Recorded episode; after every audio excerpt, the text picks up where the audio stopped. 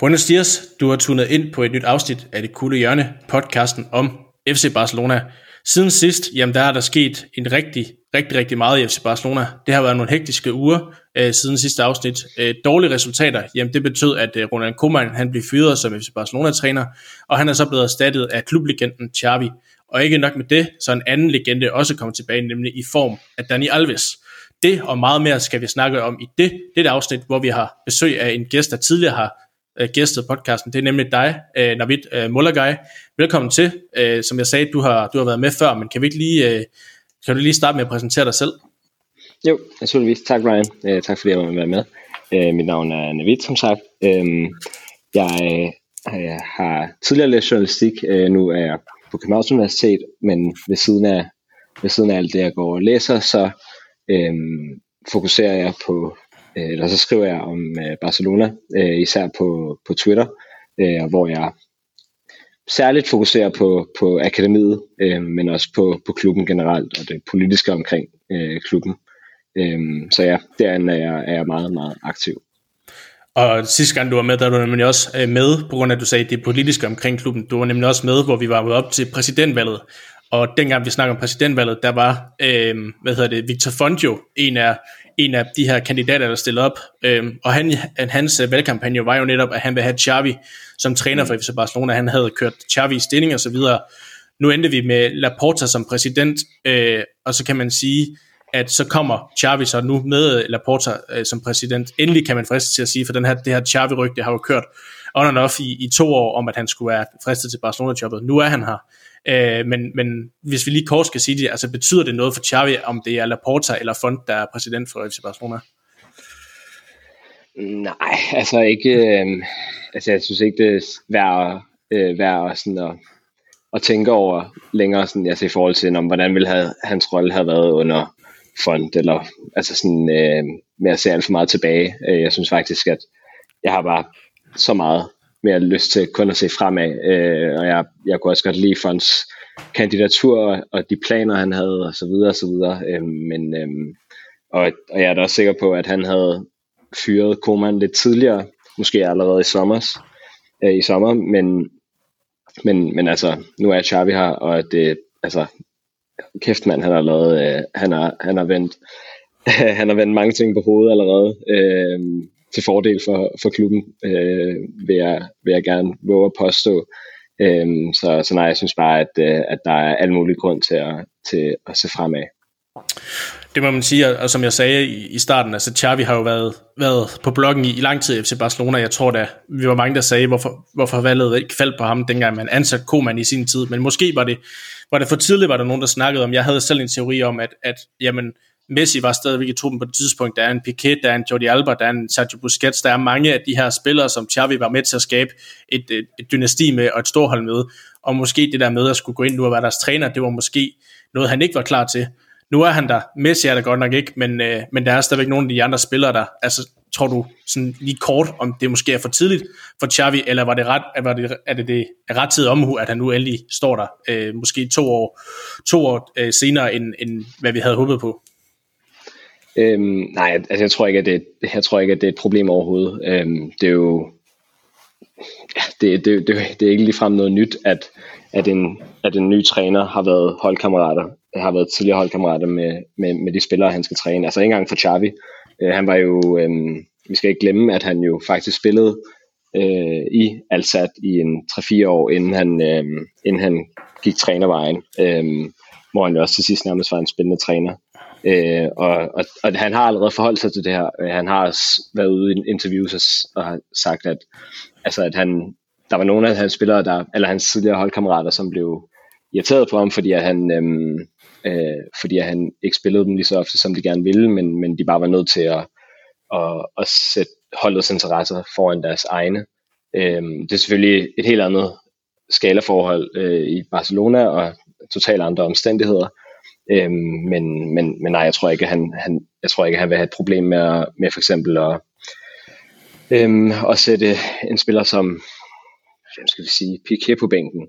Øhm, jeg tror, jeg tror bare, jeg tror, at vi, at vi vender tilbage til et øh, meritokrati, altså hvor spillerne, de, øh, de, dem der spiller, rent faktisk fortjener øh, at spille. Altså der ikke bliver nogen, i hvert fald ikke så mange forhåbentlig, øh, hvis nogen overhovedet, øh, af de her øh, Vennetjenester, som jeg kan kalde ja, det. vennetjenester, ja, vennetjenester og, og også det modsatte, ikke? altså at man ser ja. så ondt på en spiller og, og simpelthen bare blacklister øh, spilleren i hele, i hele den tid, øh, spilleren stadig gider at være i klubben. Altså, øh, så, altså man spiller på baggrund af fortjeneste, øh, og jeg, jeg, altså Xavi, det sidste seneste eksempel med Xavi selv, eller et, andet, et senere eksempel med Xavi, det var jo da Luis Enrique blev træner i klubben. Øh, der var Xavi, han, han spillede også under, han var ungdomsspiller under, under Luis Enrique, øh, og var, og var, øh, var for nylig kommet op på førsteholdet. Øh, og noget af det første, Luis Enrique gjorde, det var at overtale Xavi til at blive i mere end, end 6 måneder i, i den første sæson, fordi Xavi gerne ville afsted øh, der til januar, øh, fordi han ikke, nemlig, nemlig ikke spillede så meget, men Luis Enrique, han overtalte ham til stadig at fungere som den her, øh, den her øh, hvad hedder det, rotationsspiller, men som hjælp, som hjælp endnu mere uden for banen. Ikke? Altså sådan, jeg, tror, jeg tror ikke, at vi skal være bekymrede for det. Øh, det, det tror jeg virkelig ikke. Super, der, nu sagde du det der med, at, at en, en træner måske havde set sig sur på en spiller, som lige med hvad han gjorde, øh, ikke kom i startopstillingen. Lad det være en glidende overgang til måske en tidligere træner i, i FC Barcelona, øh, Ronald Koeman, som jo, som jo blev fyret. Øh, hvis vi lige kort skal, skal vende øh, hans exit, altså man taber øh, to øh, kampe i streg, først til først til El Clasico til Real Madrid, og så senere til, øh, til upåagtet Raja Vallecano på, på et mål af Radamel øh, Falcao.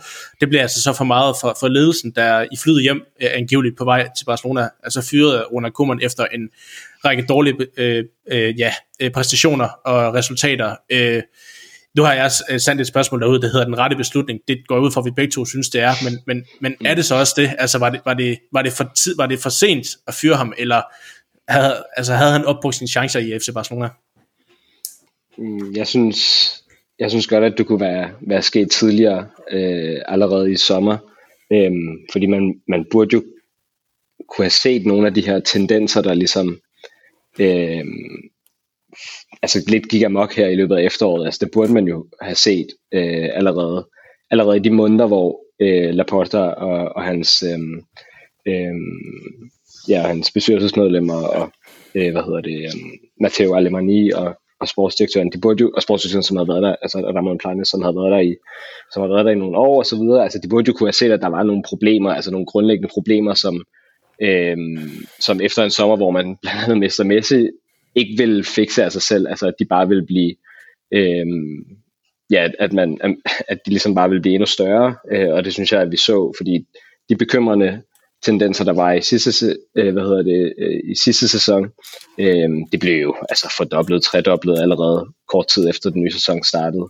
Øh, så så jeg, jeg, synes, det, jeg synes stadig, det er ærgerligt, at, at man ikke lige, at Xavi ikke øh, kunne være blevet ansat der i sommer, øh, hvor han ligesom selv kunne have haft tid til at, meget mere tid til at implementere alle de, alle de øh, som vi har set nu, alle de mange øh, ændringer, som, øh, som, som, han, som han ønsker at pålægge øh, førsteholdstruppen.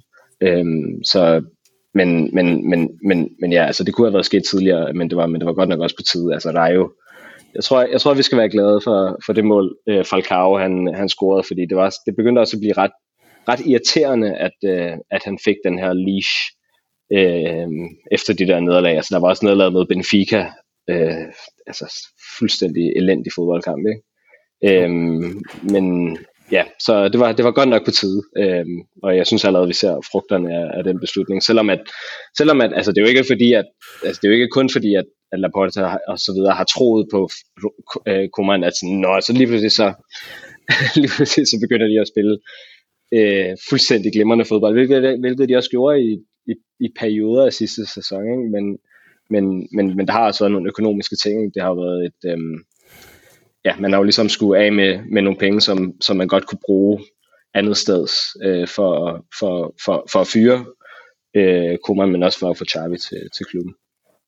Ja, helt sikkert. Der, der er jo stadigvæk det her rygte om, at, at, at Koeman jo, jo har jo i sin kontrakt har skrevet ind, at var det 12 millioner mm. euro eller et eller andet, han skulle have, fordi han netop sagde op, eller fordi han netop øh, blev lukket til som Barcelona-træner og stod foran en EM-slutrunde med Holland og så videre, og det er jo så noget, han mm. ikke, han ikke vil øh, give krav på, så, så Koeman og Barcelona er jo desværre lidt i, i den her øh, kontraktmæssige uh, forhandling lige nu i forhold til, hvad der skal ske, men der er jo helt sikkert også et økonomisk aspekt i det, i forhold til, hvorfor kunne man måske have fået en lidt længere snor, end man havde regnet med, fordi man har måske ikke haft, haft råd til at fyre ham. Øhm, og det fandt man så nødvendigt nu. Øh, nu. Og hvad det så koster spillere til, til januar, det må vi jo se på, men i hvert fald så tror jeg godt, vi kan være enige om, at det er den, det er den rette beslutning, at, at Barcelona fyrer Ronald mm. Koeman. Men hvis vi så skal, huske, skal kigge lidt på, fordi Ronald Koeman kan jo huskes af mange Barcelona-fans, at for hans storhedstid som spiller i, i, i klubben, og desværre så blev det jo ikke sådan som træner, hvis vi skal kigge lidt på, hvad vi skal huske Ronald Koeman for, som du selv siger, jamen han har jo haft utrolig svære arbejdsbetingelser. Han kommer jo ind i, han kommer ind i, i sommeren øh, 20 ikke, efter, øh, efter det her 8-2 nederlag mod Bayern München i Barcelona-hold, der ligner fuldstændig et, et Barcelona-hold, der i kaos og så videre. Han har jo stadigvæk Messi og sådan et eller andet. Altså han kommer ind med, med svære arbejdsbetingelser. De her arbejdsbetingelser bliver bare gjort endnu, endnu sværere i sommer, da man siger farvel til, til Messi og så videre. Og han, han har også reageret den her skraldede mand. Han, han siger jo farvel til Suarez, han siger farvel til Arturo Vidal og så videre. Og det er måske det, som Barcelona på det tidspunkt havde brug for fordi jeg, jeg kan i hvert fald huske, mange sagde, kan Xavi tage de beslutninger og sige farvel til, til de spillere, øh, som Suarez mm. og så videre, og det, det gjorde Koeman jo så. Han har måske gjort, gjort det lidt gået så en beskidt arbejde øh, for Xavi, men altså, hvad, hvad skal vi huske Ronald Koeman for? Altså, man kan sige, han har haft svære arbejdsbetingelser. Han har til gengæld også fået mange unge spillere bragt op. En, en Gavi, en, en Pedri, der går nok ikke fra La Masia, men han har jo blomstret op under Koeman. En Araujo, en Mingueza, en, en Balde, og så videre. Så han har ligesom regeret den her overgangsmand til Xavi kunne tage over. Og så kan man så sige, at at det kunne man måske blive fyret på, det, det er mere øh, at præstationerne ikke var i orden, end at resultaterne, fordi jeg tror, mange Barcelona-fans godt kunne se, at det her Barcelona-hold, selv med en anden træner, har også svært ved at kæmpe med i den europæiske elite. Jeg ved ikke, om du er enig i min, min konklusion her, at, at Koeman egentlig har været den her overgangsmand, men at det mere var præstationerne, der kostede ham jobben, end det var resultaterne. Ja, og altså jeg tror, jeg tror, jeg tror også, at han har været, altså han har, han har måske ikke engang gjort, han har måske ikke rigtig gjort sig selv til en overgangsmand heller, altså han er blevet han er blevet sat i den her situation, hvor han ikke har haft muligheder for at for eksempel at bringe en, en Wijnaldum, som han, han gerne ville. Altså, hvis vi havde haft nogle flere penge, så kunne vi have lukket ham til klubben. Øh, men hvilke konsekvenser havde det så haft for en som Gavi, eller Nico Gonzalez for eksempel, eller Pedri, altså i, i, øh, i øh, ja, både den her, som, det her, øh, hvad hedder, det her sommervindue, øh, men også forrige. Ikke? Øh, og så altså i forhold til Suarez, der var det jo Koeman selv, der, der smed ham ud. Øhm, og der, der har vi så efterfølgende haft massive problemer i angrebet, øhm, uden, uden en nier, hvor vi så altså har på samme tid har tildelt Atletico Madrid en, en, øhm, ja, en afgørende brik i deres mesterskabs øh, kampagne sidste semester, øh, undskyld, sidste, sidste sæson. Øhm, så, men, men jo, altså, der har, der har jo klart været nogle, nogle positive ting. Han kom ind, øhm, at han kom ind på et tidspunkt, som du sagde, med, efter CTN, øh, hvor, han, hvor CTN absolut ingen autoritet havde. Øh, så kunne Koeman ligesom komme ind, og, øh, og med sin, øh, ja, med sin gigantiske erfaring som spiller, legendestatus, som du siger, kunne han ligesom komme ind og, og, og ændre nogle, nogle ting, der var ved at altså, tage lidt overhånd. Altså bare sådan altså nogle simple øh, disciplinære ting. Ikke? Altså komme og få lidt styr på truppen, basically. Øhm, og der var også perioder, hvor vi jo seriøst spillede rigtig god fodbold. Øhm, jeg glemmer ikke øh, Copa del Rey øhm, hele, sidste, hele sidste sæson. Øh, der, der, der var der altså nogle rigtig, rigtig gode kampe, hvor vi viste en mentalitet, altså en, en, en, en evne til at komme tilbage i kampe, hvor det stod, stod skidt til, altså mod Sevilla for eksempel, ikke? Øh, Piquets mål i, i aller sidste minut. Altså det, jeg var vild, altså det var så vildt at se, ikke? Det var ret fedt, det var ret fedt at se, at vi ligesom havde den her, at, at vi ligesom stadig kunne finde den her mentalitet frem, der sagde, at vi giver ikke op. Øhm, og, og, og finalen mod Bilbao var jo også altså en, en, øhm, altså en total, øh, hvad skal man sige, demolition øh, af, af Bilbao. Øhm, så så der har jo været nogle positive, og, og fra, et, fra et akademiperspektiv, jo, det kan godt være, at han ikke har så mange andre muligheder, men så når han ligesom har set sig god på en spiller, så har han så også bare kastet ham ind i, øh, i, i, i truppen, for eksempel med Pedri, ikke, ikke fra La Masia, men, men, også for, men også for eksempel Gavi, eller, eller nu mm, også Nico, Nico Gonzalez. Ja, en Oscar øh, Mingueza er måske det bedste Mingueza. eksempel Øh, ja, Ja, og så min gæsser, så det, det, det er jo så gået meget fint, øh, men, men så alligevel som min gæst er en, en spiller, der har haft så meget øh, fordel af den her beslutning af Koman, øh, men som så alligevel i går kom ud, øh, lavede et interview øh, med, med katalansk tv, hvor han jo virkelig kritiserer Koman. Altså, øh, måske ikke så direkte, men altså han sagde bare, at, at, at, at omklædningsrummet virkelig havde brug for en forandring. Der var ikke den atmosfære, de havde brug for. Øhm, og der var nogle spillere, der ikke var glade, og, og at det nu går bedre med Xavi, øhm, og at altså sådan nogle simple ting som, altså der, der blev gjort et stort nummer af, at Xavi han havde indført alle mulige sådan, øh, disciplinære øh, regler, øhm, hvor, hvor Miguel så sagde, at altså, de ting var der ikke før, altså på førsteholdet, øh, men, i, men på B-holdet og i La Masia, der, der, var, der, der var det altså samme regler, der galt. Øh, så det er ikke fordi, det er noget totalt revolutionerende at vi er kommet ind med. Det er bare fordi, at, at der har været slagget på, på, mange, på nogle forskellige områder, som så har hvad hedder det, påvirket truppen negativt. Og jeg tror bare, at altså, altså, jeg har så stor respekt for Koeman, og at han tog den her opgave på sig, og at det så ikke er gået godt, er ikke så, er ikke så fedt. Øhm, men, men jeg tror bare, at der nogle gange, så må man bare sige, at, at manden var bare ikke en bedre træner, og, og det har haft de konsekvenser, det har haft. Øh, han har haft, der er noget personligt også ved ham, som, som har været lidt sådan giftigt. Øh, jeg kan forestille mig med nogle enkelte spillere, altså en Vicky Puch for eksempel, som bare altså, som gik fra at være en rigtig god spiller under Setien, altså hvor han, hvor han, hvor han brød igennem på midtbanen og, og var en af vores bedste spillere i foråret inden Koman, eller altså efter corona, øhm, efter man begyndte at spille igen, øh, til bare at blive vidderligt blacklistet fra, fra første dag, øh, og hvor man så lagde et endnu større pres på Petri for eksempel, som kom ind og spillede altså 70 80 kampe på et år, ikke? Øhm, ja, måske han nåede bare ikke op omkring de 70 øh, med landsholdet okay, også efter EM og OL, altså, ja. og, og, og det har så forårsaget nogle skader her i de første måneder af den der sæson, ikke? Øhm, hvor, han, hvor han selv hvis han ikke kunne lide Ricky Puch særlig meget, så kunne han jo bare have roteret dem, men det gjorde han jo ikke engang, så, så Petty var ligesom nødt til at spille alle de her kampe, og det har haft sådan nogle andre konsekvenser. Så der har været nogle ting, både i forhold til hans personlighed, altså nogle personlige beslutninger, øhm, men også bare, altså måske, altså han er bare ikke en bedre træner, altså han fik jo også, nu fik han noget af en dårlig omstændigheder her, men i Everton, der havde han jo det største transferbudget i deres klubhistorie, øh, og han, han brugte så mange penge i Everton, og blev fyret efter jeg tror, mindre end en halv sæson, øhm, ja. efter han havde brugt så sindssygt mange penge på, på alle mulige nye spillere, som man ikke fik mulighed for i, i Barcelona, og måske ikke huske lov for det. Altså sådan, så, så jeg tror bare, at der er tale om en træner, som bare ikke var bedre, og nu har vi forhåbentlig fået en bedre en nu har du, du er selv lidt inde på, hvorfor, hvorfor han ikke fungerede. Altså man kan jo sige, selvfølgelig har der været mange skader i, i Barcelona i den tid, han er, men, men det skylder måske mere, som, som, som vi også skal komme ind på ved Xavi, en dårlig, øh, ja, en dårlig lægestab omkring holdet, øh, der, der, der, skyld, mm. øh, der har været skyld i det, og det har jo gjort, at det er klart, hvis der er mange skader, jamen, så skal man til at opfinde den dybe tallerken. Det gjorde så måske en, en type som Oscar Mingueza lige pludselig både kunne spille højre bak og kunne spille øh, central mm. forsvar osv., og så synes jeg også, at, at, at, at, at når hvis du lige har en pointe øh, til det. Ja, i forhold til skaderne, altså der, der er det her med Petri lige nu.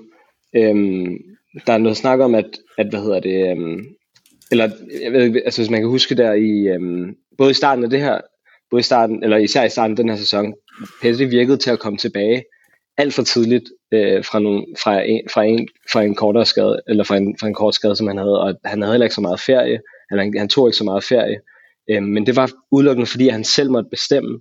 Altså Xavi har allerede ændret nu, at øhm, her frem til kampen mod Espanyol i morgen, der skal Petty ikke være med, fordi at nu er det øh, medicin, hvad hedder det, lægestaben, som, som, beslutter, som tager den endelige beslutning om, om hvornår spillerne skal vende tilbage fra, øh, fra træning. Det er der en, en journalist, der har, der har rapporteret her for, for et par timer siden. Altså for, fordi førhen, der kunne Petty netop bare selv være sådan, jamen, træner jeg er klar til at spille, og så, så, så fik han jo lov til at spille, og især Koeman, som var desperat efter, efter nogle af de spillere, som man godt kunne lide, så lå han ham jo selvfølgelig spille, men så har det ligesom haft nogle senere konsekvenser. Øhm, så, så ja, der har bare været nogle, allerede nogle ændringer øh, for det gode, altså for Pettis egen skyld, så er han jo nødt til at tage en, en ordentlig pause, så han kan vende ordentligt tilbage, øh, så vi kan bruge ham resten af, af sæsonen.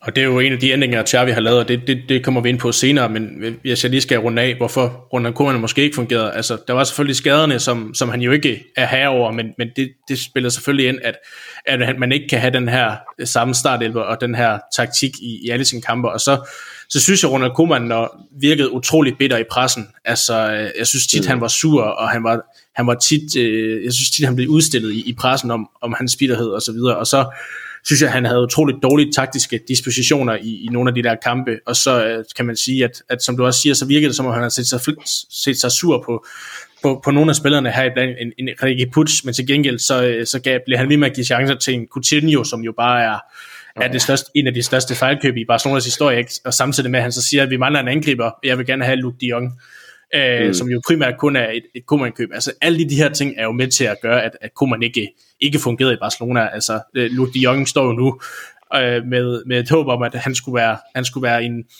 hvad kan man sige, ikke en stjerne i Barcelona, men han skulle komme til Barcelona og havde en, en, en landsmand, og nu står han tilbage og, og, og ligner en mand, der ikke kommer til at spille et eneste minut under, under Xavi. Ikke? Altså, det er jo nogle af de her beslutninger, Koeman har taget, som, mm. som jo er med til at, at gøre, at han, han fik sparket. Øhm, jeg ved ikke, om du er enig med mig om det, men det, det er jo ligesom en, en, en komplikation af det hele, må man sige.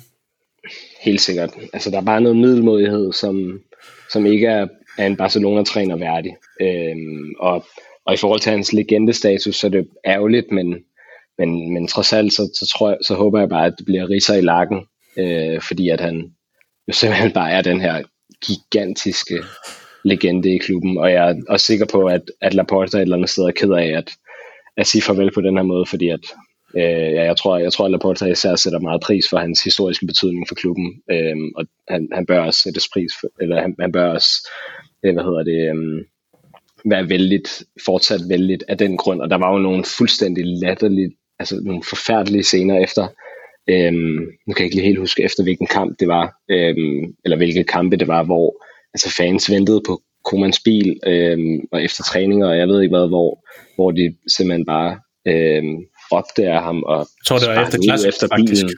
Ja, efter klassisk, ja. Og altså sådan, det var bare altså fuldstændig hjernedød opfør, en hjernedød opførsel, ikke? Øhm, som jeg gerne ville have været, eller så jeg er ret sikker på, at alle gerne ville have været for uden og Koman og klubben og, det, og alle sammen. Øhm, men ja, det er jo bare gået, som, som det er gået, men jeg håber bare, at det riser i lakken. Det kan man håbe på, for som du siger, han var en stor spiller, at han var den, den der sikrede os det første Champions League trofæ, ikke? Øhm, og, og, og mm. var ligesom en, en stor del af det her krøjfhold i, i sin tid, og, og han skulle øh, regere, eller agere overgangsmand, det, det tror jeg hverken han eller, eller klubben sådan havde, havde håbet på, at det ligesom blev hans rolle, men det er jo ligesom, det har jo ligesom været hans rolle, ikke? og jeg tror, den, den perfekte afslutning for ham havde jo måske været at tage sæsonen ud, og så havde efterladt Barcelona et sted, hvor man kunne sige, okay, vi, vi har ikke, vi, vi, vi ender i top 4, øh, potentialet er til det, men, men der, skal, der skal noget nyt ind, noget nyt kræfter ind, for vi igen kan blive et europæisk storhold. Jeg tror, det er både sådan, at Laporta kunne man selv måske have, have ønsket det, men det blev jo desværre ikke sådan, og det, det har vi jo været inde på, hvorfor det, mm. det, at det ikke lykkedes, men, men det havde måske været den perfekte afsked for Ronald Koeman. Ja, enig. enig.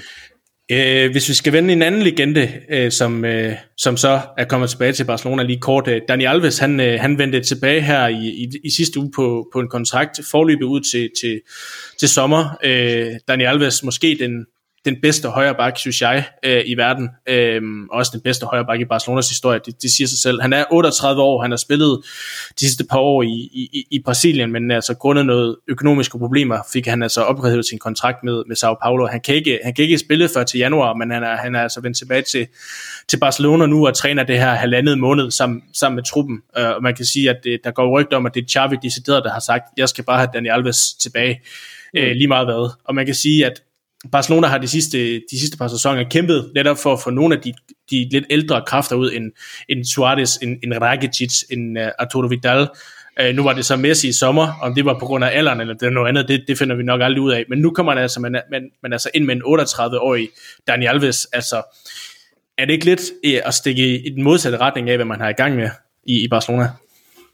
Øhm, jo, altså når man ser på det sådan, så er det jo klart, altså hvis, hvis, planen, hvis planen er at rydde fuldstændig op blandt, øh, blandt de plus 30-årige. Øhm, men, men, men der er også en anden virkelighed, og det er, at, at man kan jo heller ikke, man kan jo heller ikke vinde alt med, en U21-trup.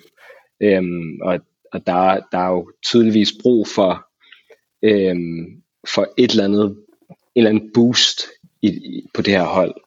Altså, altså man har jo, det har jo virkelig været, været sløjt at se på rent sådan, altså rent øh, i forhold til den kemi, der, er mellem, der har været mellem spillerne på banen. Altså det, der har, det, har, der, det har virkelig virket som om, at der har bare været mangel på sammenhold. Øh, for eksempel Clasico eller mod Benfica eller, eller andre. Der er efterhånden mange eksempler.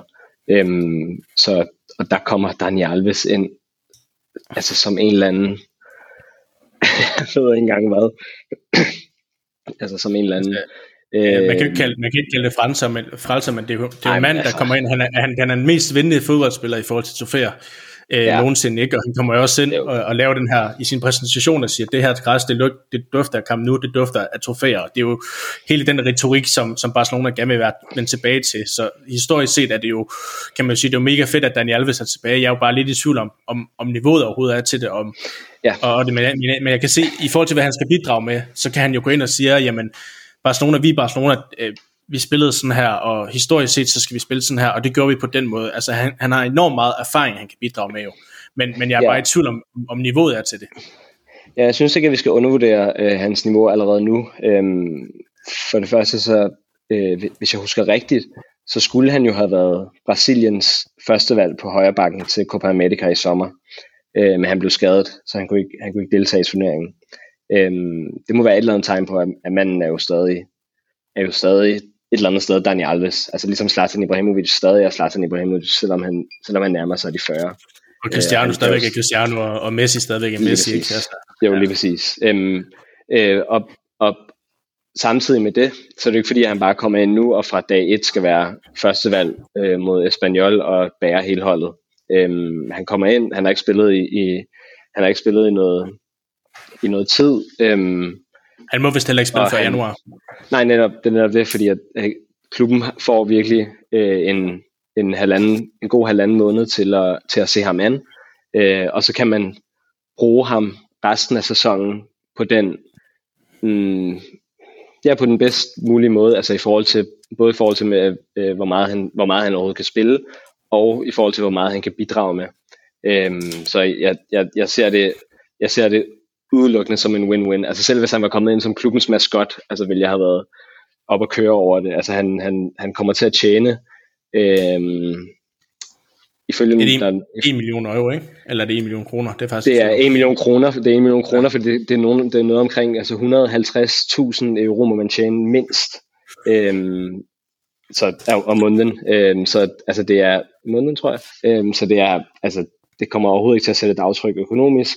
Så man, man får bare den her, altså den her bombe af selvtillid, øhm, hvad hedder det, øhm, morale og erfaring, og altså nærmest hele pakken, øh, så hvis han da også lige kan spille, altså jeg ved ikke, en, altså 10 kampe på, på, et, på, et, på et fint niveau, ikke? Altså, så, så tror jeg virkelig, at han, øhm, ja, så, så tror jeg virkelig, at, jeg, jeg tror også, at det er hans eget mål. Altså vidderligt bare med at, at at bidrage med, hvad end han kan bidrage med. Altså hvis han er god nok, så spiller han.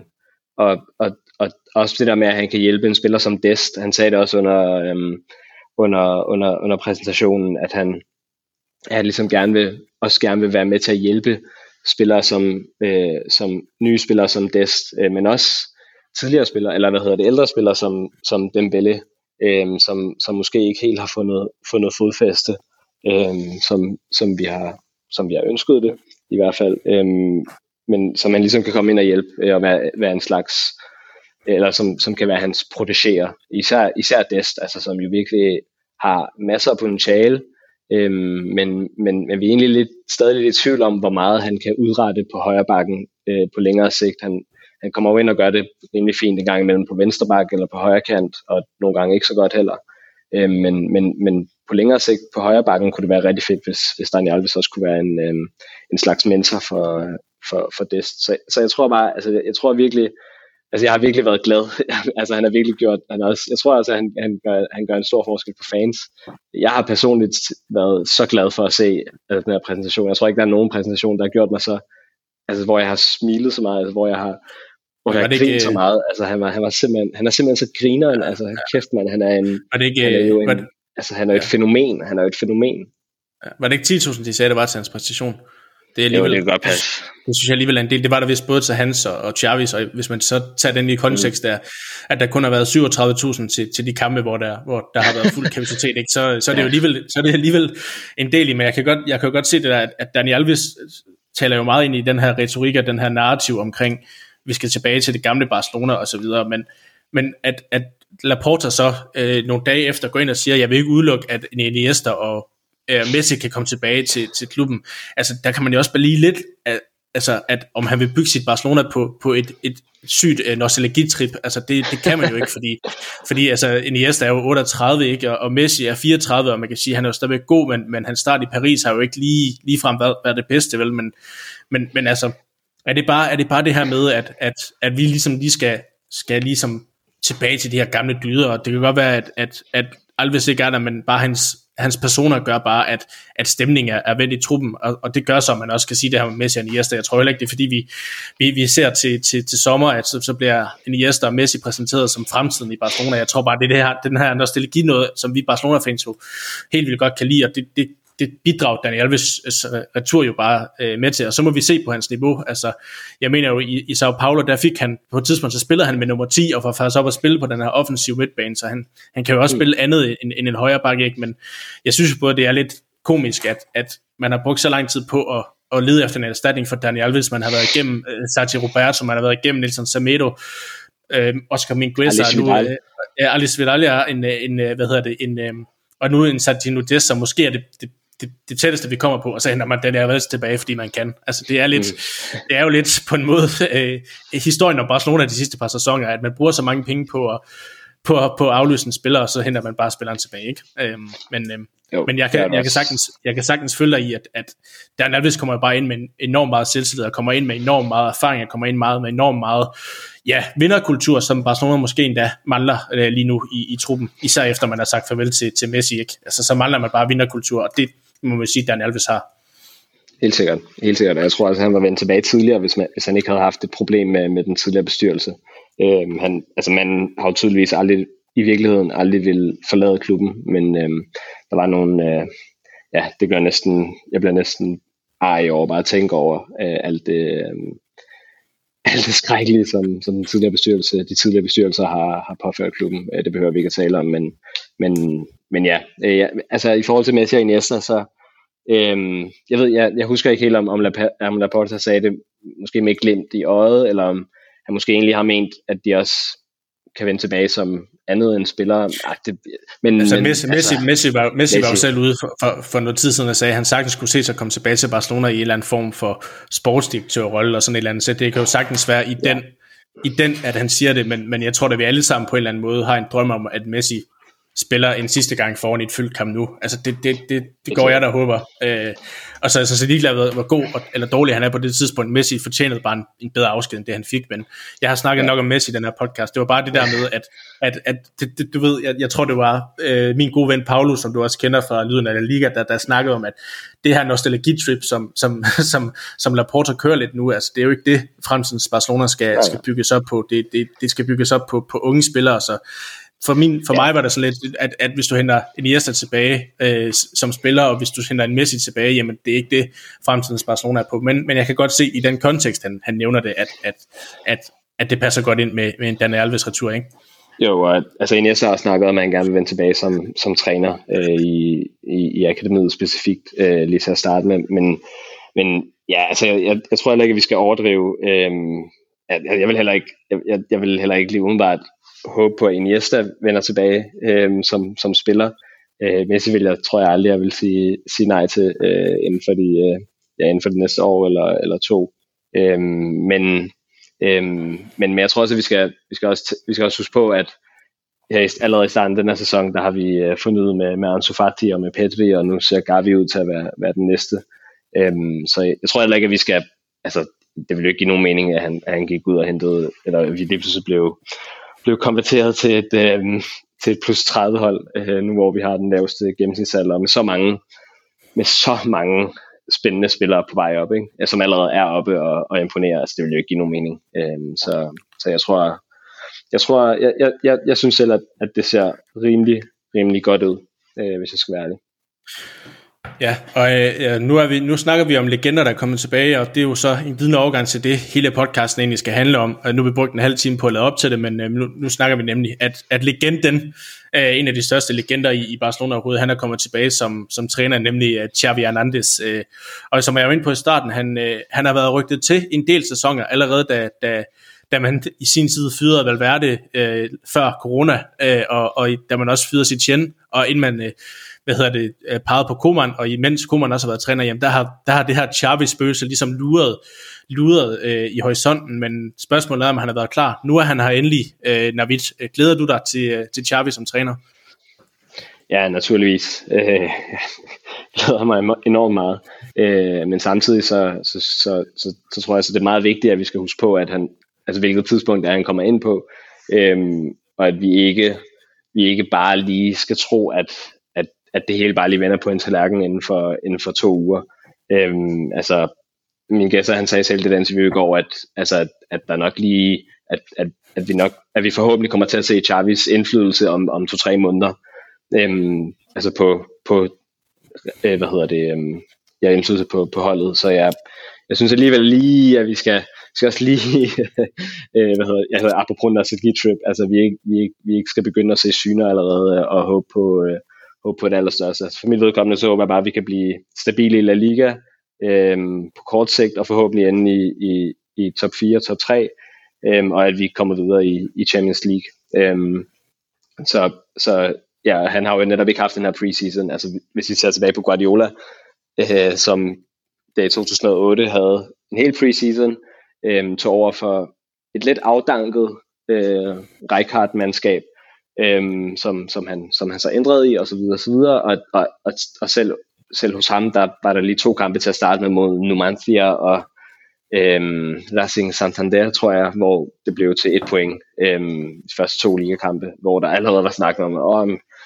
ah, hvem er det, vi har hentet, og øh, han er jo alt for ung og ikke klar, og så videre, så videre, hvor Johan Cruyff faktisk var den eneste, der var sådan, vi spiller jo faktisk rigtig god fodbold, øh, så, så, så have lige lidt tålmodighed. Øh, så jeg tror bare lige, vi skal værne os lidt med, med tålmodighed, fordi at det jo godt kan være, at, at det ikke bliver fuldstændig fantastisk endnu. Øh, det har jeg så mange forhåbninger om, at, at det nok skal blive. Ja, så på den korte bane er det måske ikke lige succes med. På den lange bane kan man, kan man godt se, at, at, at Xavi skal være den rette mand. Man kan vel så sige, at, at at en Xavi Retur som træner med, med hans fortid som spiller, så kan man jo ikke lade være med at, at, at lede tankerne hen på, på netop en, en Pep Guardiola. Øh, forskellen, som du siger, det var, at Guardiola han jo så fik den her sommeropstart, men han kom jo også ind som en slags øh, skraldemand.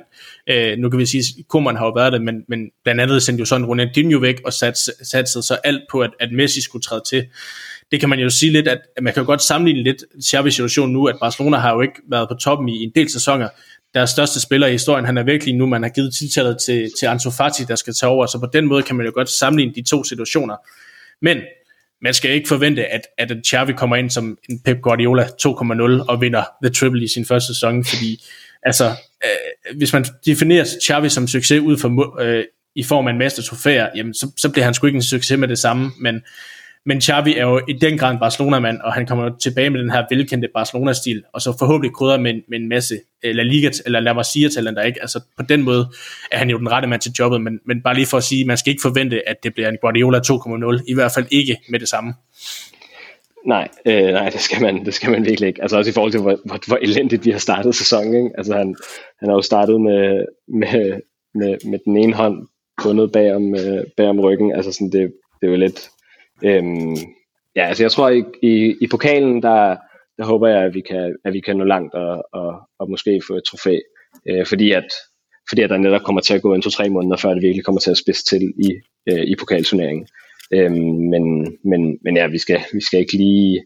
Jeg, tror, jeg, jeg synes ikke, at vi skal forvente øh, en treble, naturligvis, selvom at, at det jo kunne være ganske, ganske fint. Øhm, men øhm, ja, Ja, som du sagde. Øhm. Ja.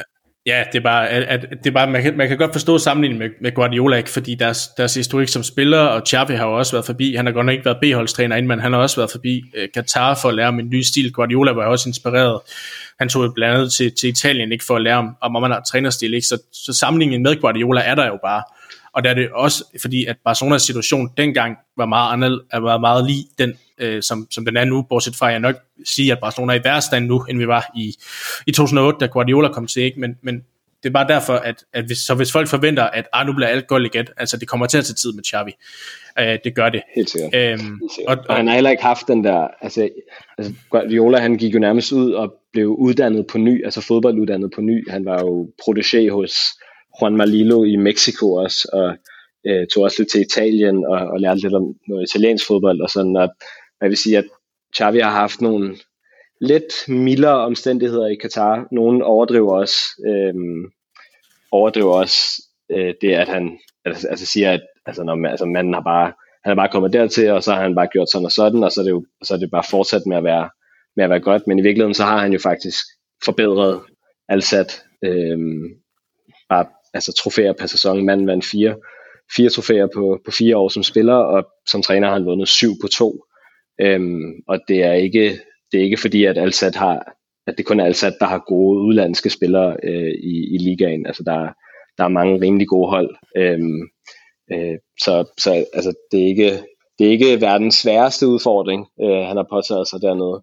Øh, men, men, men trods alt, en, trods alt en, en udfordring og en begyndelse på en, øh, på en øh, karriere som, som elitetræner. Øhm, og, og jeg synes heller ikke, at vi skal undervurdere det. Ja, øh, det skal vi i hvert fald. Altså, du, jeg, jeg, correct me if I'm wrong, men jeg mener, du snakkede om i, i, i hvad hedder det, i vores uh, præsidentspecial der, at du havde set en lille håndfuld af hans kampe fra, fra Katar. Øh, hvis du sådan mm. kort kan, kan beskrive, hvad, hvad vi kan forvente af Xavi som træner. Altså, der er jo ingen tvivl om, at, at han selvfølgelig er meget tiki-taka inspireret, men, men hvis du sådan kan pege lidt på, hvad, hvad han er, hvordan han er som træner meget som man også var som spiller. Altså, det altafgørende er at have bolden, at have, have boldbesiddelse. Øhm, og, og derfra, så, altså, det, det, det er derfra alt andet skal komme. Øhm, så det, det, er, det er meget det der at vende tilbage til, øhm, til, til nogle idéer, som, som har været lidt fraværende i klubben øhm, siden Luis Enrique.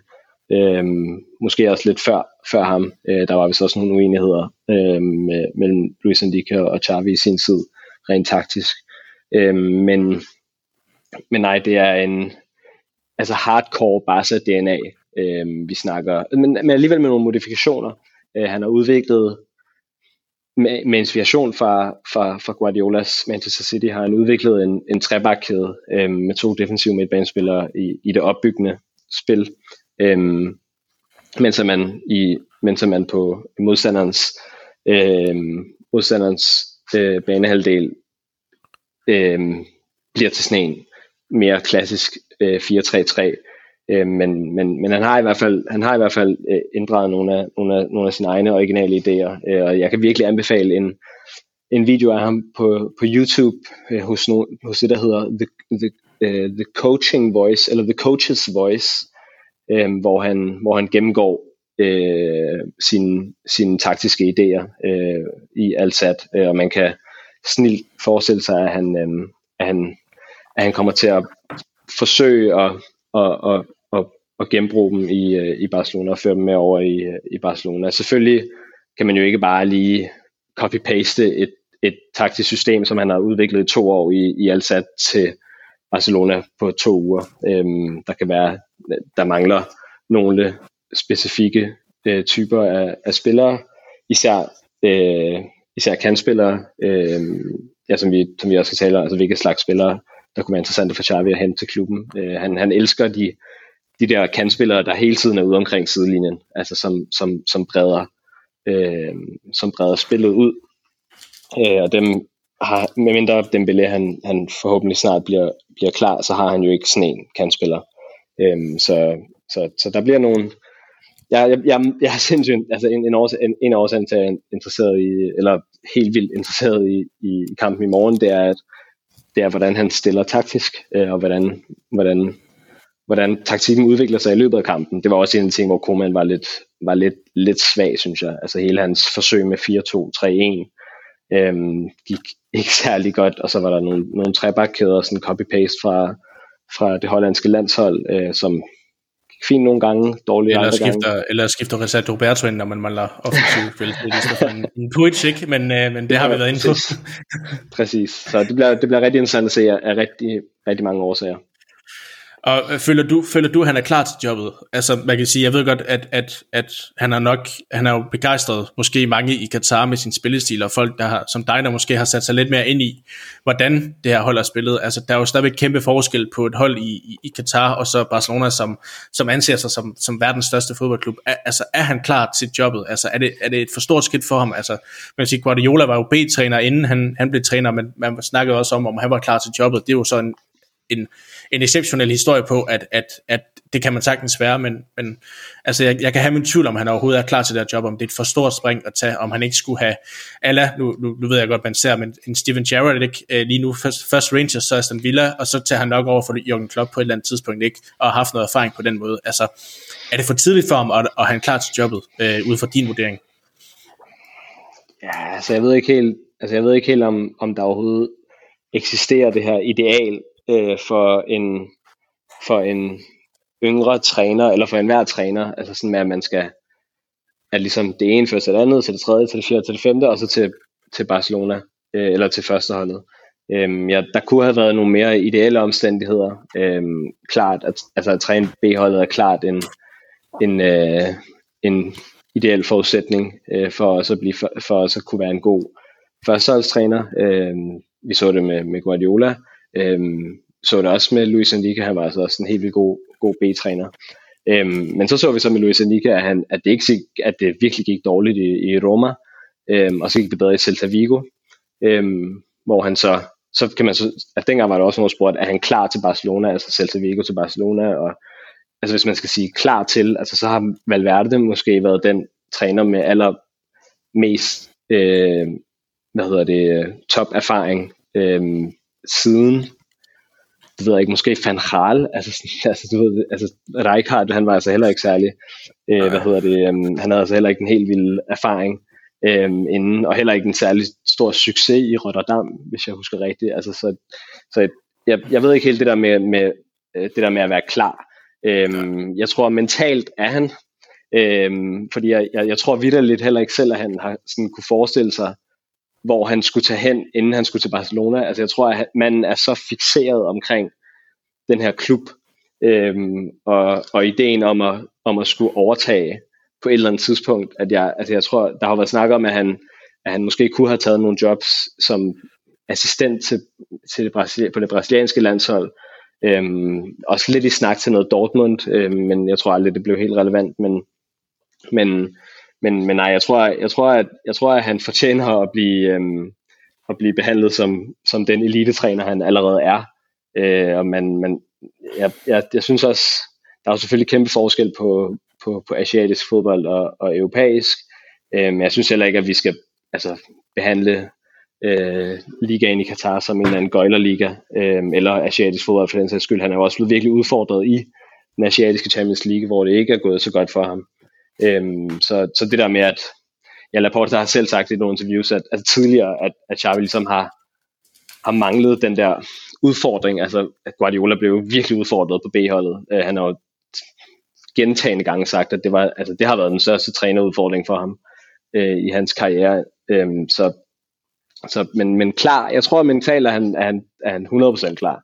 Øhm, men, men klar i forhold til, hvad omstændighederne øh, hvad omstændighederne byder på lige nu, øh, der, der tror jeg, der kommer, jeg, jeg, jeg kan nærmest ikke forestille mig, at han ikke kommer ud for situationer, hvor han, øh, hvor, hvor det måske kommer til at sejle lidt, altså sådan, hvor det måske kommer til at se rigtig slemt ud, øh, men, men hvor jeg netop virkelig håber, at, at alle, det gælder både ledelsen og fans og, og, og hvem ellers der, der er spillerne, Øh, pressen. kommer til at pressen, pressen der for guds skyld kommer, skal, skal bevæbne sig med, med en masse tålmodighed. Øhm, og så kan vi bare se indtil videre, så, så har han jo øhm, så har der været en eller anden indflydelse, øh, som, som vi er mange forskellige sider allerede har set, som udelukkende kan betegnes som værende positive.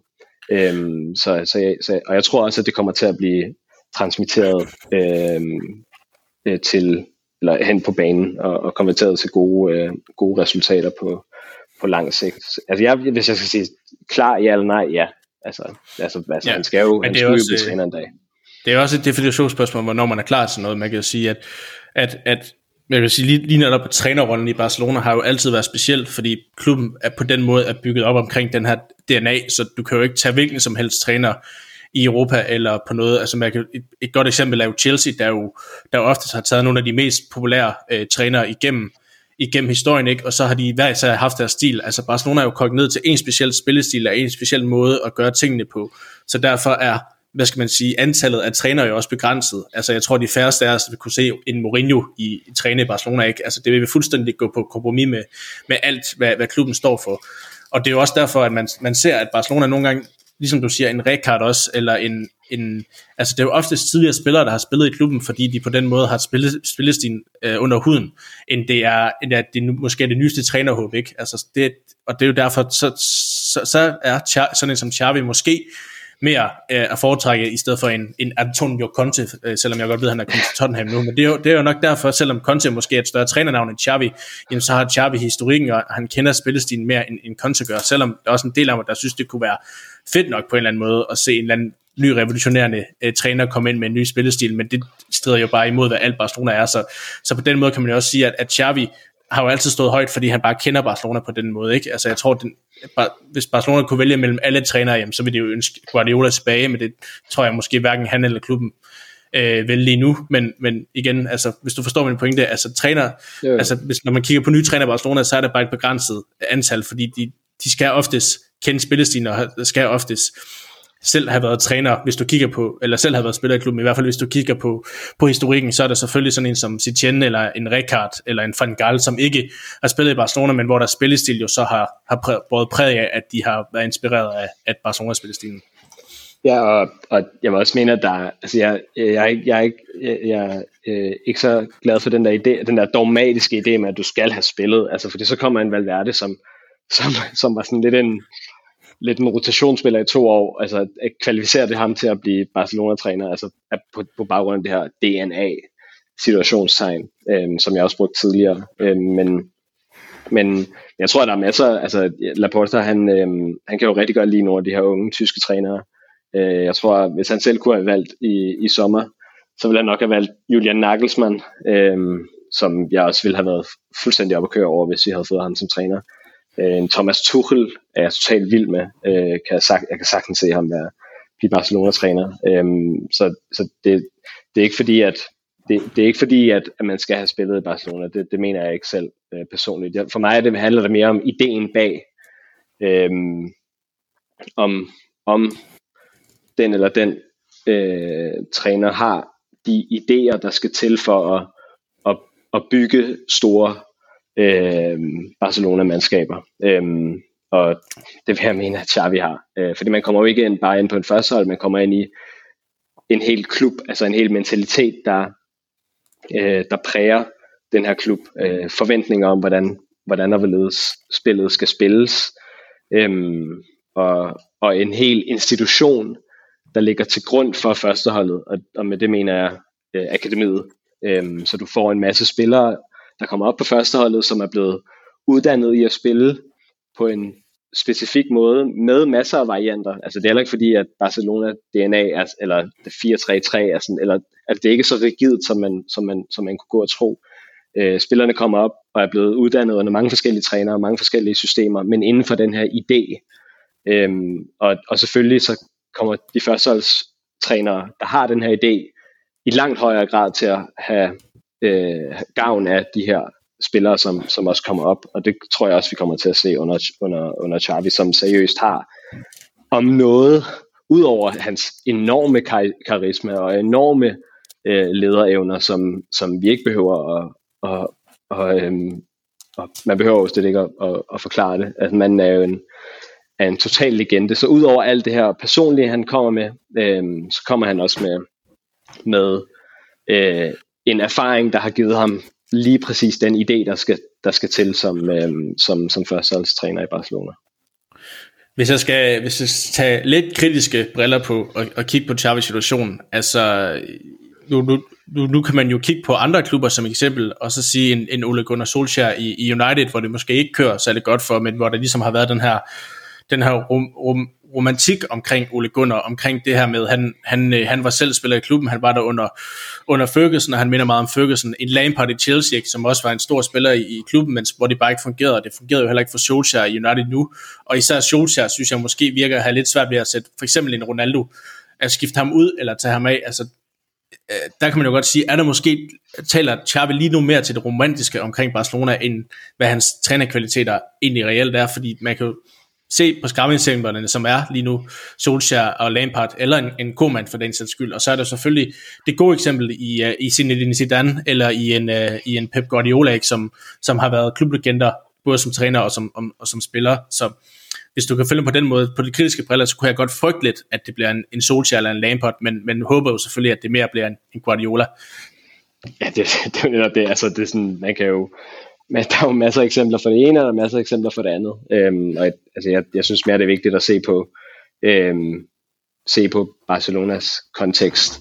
Øhm, og, og altså, jeg, ved, så, jeg ved ikke så meget om, om mentaliteten i Manchester United, eller mentaliteten i, i Chelsea. Øhm, men, men der er det jo ligesom bare gået galt af de, af de årsager, det nu er, altså, de årsager, der nu er til, at, til at, det, at det, er gået som, eller det går, som det gør.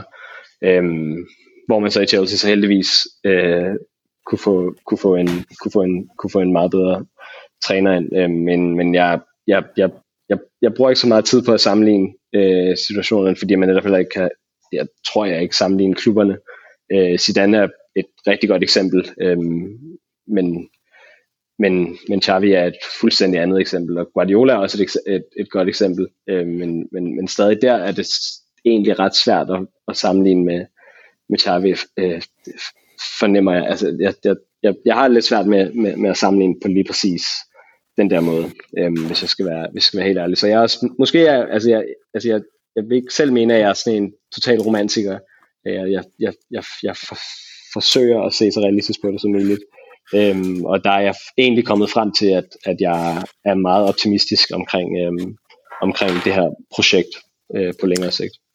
Altså, jeg, jeg var meget fascineret af Sitchen, kan jeg huske, og meget sådan, han skal være den næste Barcelona-træner, og alle hans idéer og sådan et eller andet. Og der var jeg nemlig, der kan jeg huske, at jeg også, en af de første afsnit, vi lavede i podcasten, det var, hvor vi havde sådan en taktisk nørd inden og sagde, jamen, alt hvad Setien har lavet, og alt hvad han gør, det passer perfekt til Barcelona.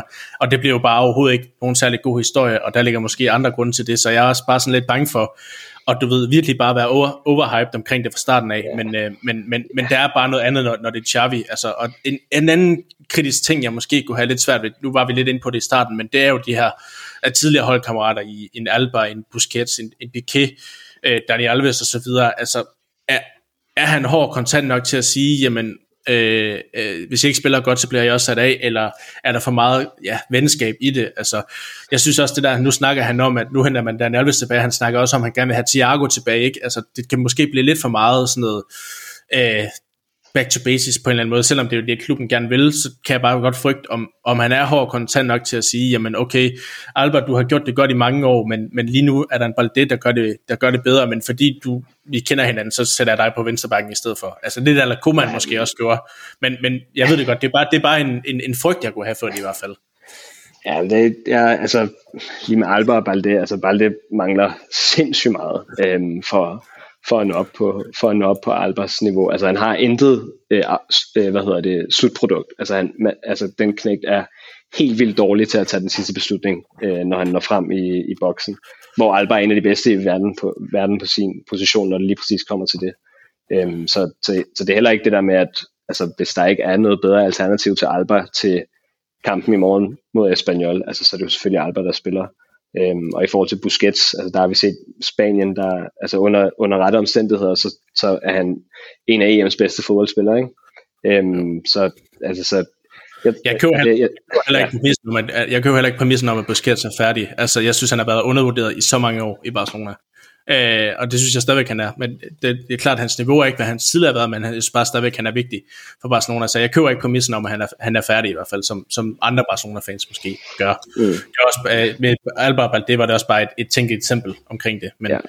Men jeg kan godt høre på dig, at det er måske det, altså som du også sagde i starten, altså alle, alle starter fra square one, den der gør det bedst til træning, den der gør det bedst øh, til kampe, er også den, den der får chancen, så der ikke er nogen, hvad skal man sige, venskaber forbundet med, med tidligere spillere. Ja, altså der er jo selvfølgelig venskaber, øh, men, men, men en ting er venskaber, og den anden ting er, er, er direkte vennetjenester. Øh, så, så jeg, og så skal vi heller ikke, vi skal heller ikke lægge for meget i løse rygter med Thiago. Det, det, dem, dem, dem har jeg ikke givet at, at, at tage særlig, særlig alvorligt. Men, men nej, jeg, det, det er, jeg, den, den del af det er, er oprigtigt ikke særlig, særlig bekymret for.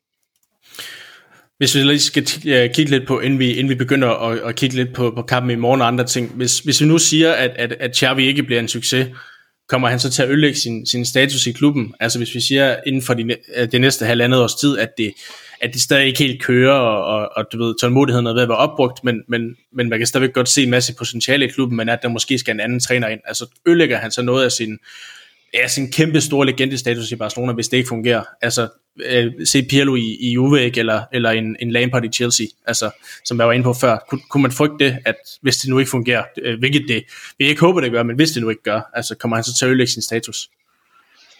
Så igen tror jeg bare, at det bliver riser i lakken. Det kommer altså ind på, hvordan, hvordan, han vil, øh, hvordan han vil forlade, hvis det bliver gjort det på respektabel vis, og, og så videre, så er det jo bare det, der sker. Altså man kan jo heller ikke undlade at, at hente altså, yderst øh, nødvendige personer hjem til klubben, hvis man er bange for, at det lige pludselig skulle gå galt. Altså det er bare en risiko. Det er bare en helt naturlig risiko. Og jeg, ja, jeg, så vil jeg bare håbe, at, at, at, at det vil være en, en, øh, en rationel og øh, velovervejet og øh, positiv skilsmisse til den tid. Øh, men, men, men det, øh, øh, er ikke så fedt at tænke over lige nu. Jeg er ret, jeg er ret optimistisk. Men, men selvfølgelig, altså om halvandet år, hvis der er bedre muligheder, så er det jo klart, altså så må man jo finde en, en positiv løsning øh, og, komme ud af, og komme ud af det forhold, øh, forhåbentlig på, på bedst mulig vis.